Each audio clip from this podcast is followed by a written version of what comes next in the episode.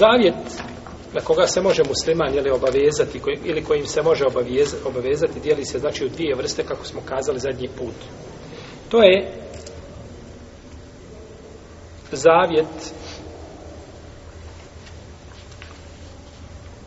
pokornosti stvoritelju Tabarake o Teala tako da sebe obaveže insan sa nečim što je šarijat u osnovi učinio pohvalnim dijelo pohvalno ga činiti, nije šerijat obavezao čovjeka kategoričkom obavezom da ga čini, nego ga je učinio mendum, da bude mendum, da bude sunnet. Kao da čovjek se obaveže, na primjer, da će klanjati dobrovine namaze, da će obaviti dobrovni hađ, post, zekijat, odnosno sadaku ili dobrovoljnim, govorimo o dobrovoljnim ili badetima, da će recimo ući u itikaf za njih deset dana u Ramazan i slično tome.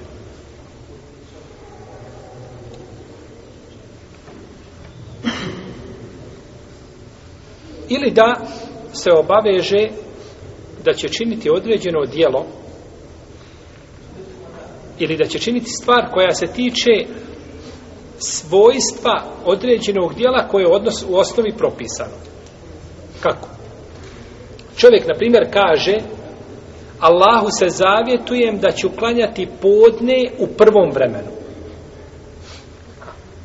Pa se zavjetuje na šta? Da će klanjati podne u, u prvom vremenu. Pa je zavjet vezan za šta? Za osnovu propisa ili za njegov opis? Za njegov opis. A to je šta? Prvo vrijeme, je tako? Prvo vrijeme. Pa je dužan, znači da to, dužan je da to ispuni. Za razliku čovjeka koji kada bi se zavjetovao da će klanjati propisani namaz. Kaže, Allah se zavetio da će klanjati povodne namaz. A, ili da će klanjati sabah namaz i slično tome. Taj zavjet ne vrijedi. Dužan ga je ispuniti ne zato što se je zavjetovao, nego zato što ga uzvišen je Allah propisao prije toga. Tako da njegov zavjet je tu ništa, puste riječi. Puste riječi. On to mora svakako ispuniti. I govorili smo prethodno da imamo dvije vrste zavjeta. U smislu kada je vezan za nagradu čovjeku. Imamo znači jednu vrstu koja a, koju čovjek traži nešto stvoritelja Tabarake Oteala, pa ako se to ostvari, onda to ispuni, a, zavjetujem se Allahu, ako, na primjer, desi mi se to i to, onda ću, ako nađem posao, Allahu se zavjetujem da ću ovaj udjeliti sadaku 50 dinara. Primjer. Jel? Pa čeka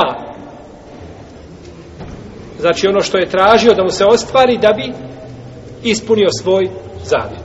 A imate drugo koji se samo zavjetuje, znači Allahu se zavjetujem na to i to, ali ništa ne traži kao znači protu uslugu.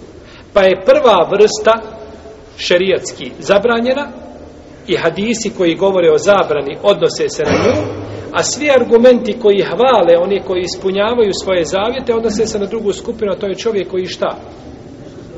Koji ne traži, znači ništa. On će zavjetovati se i ispuniti svoj zavjet, ali ne traži, znači, ništa za ispunjenje tog ili kao protuuslugu za ispunjenje tog zavjeta.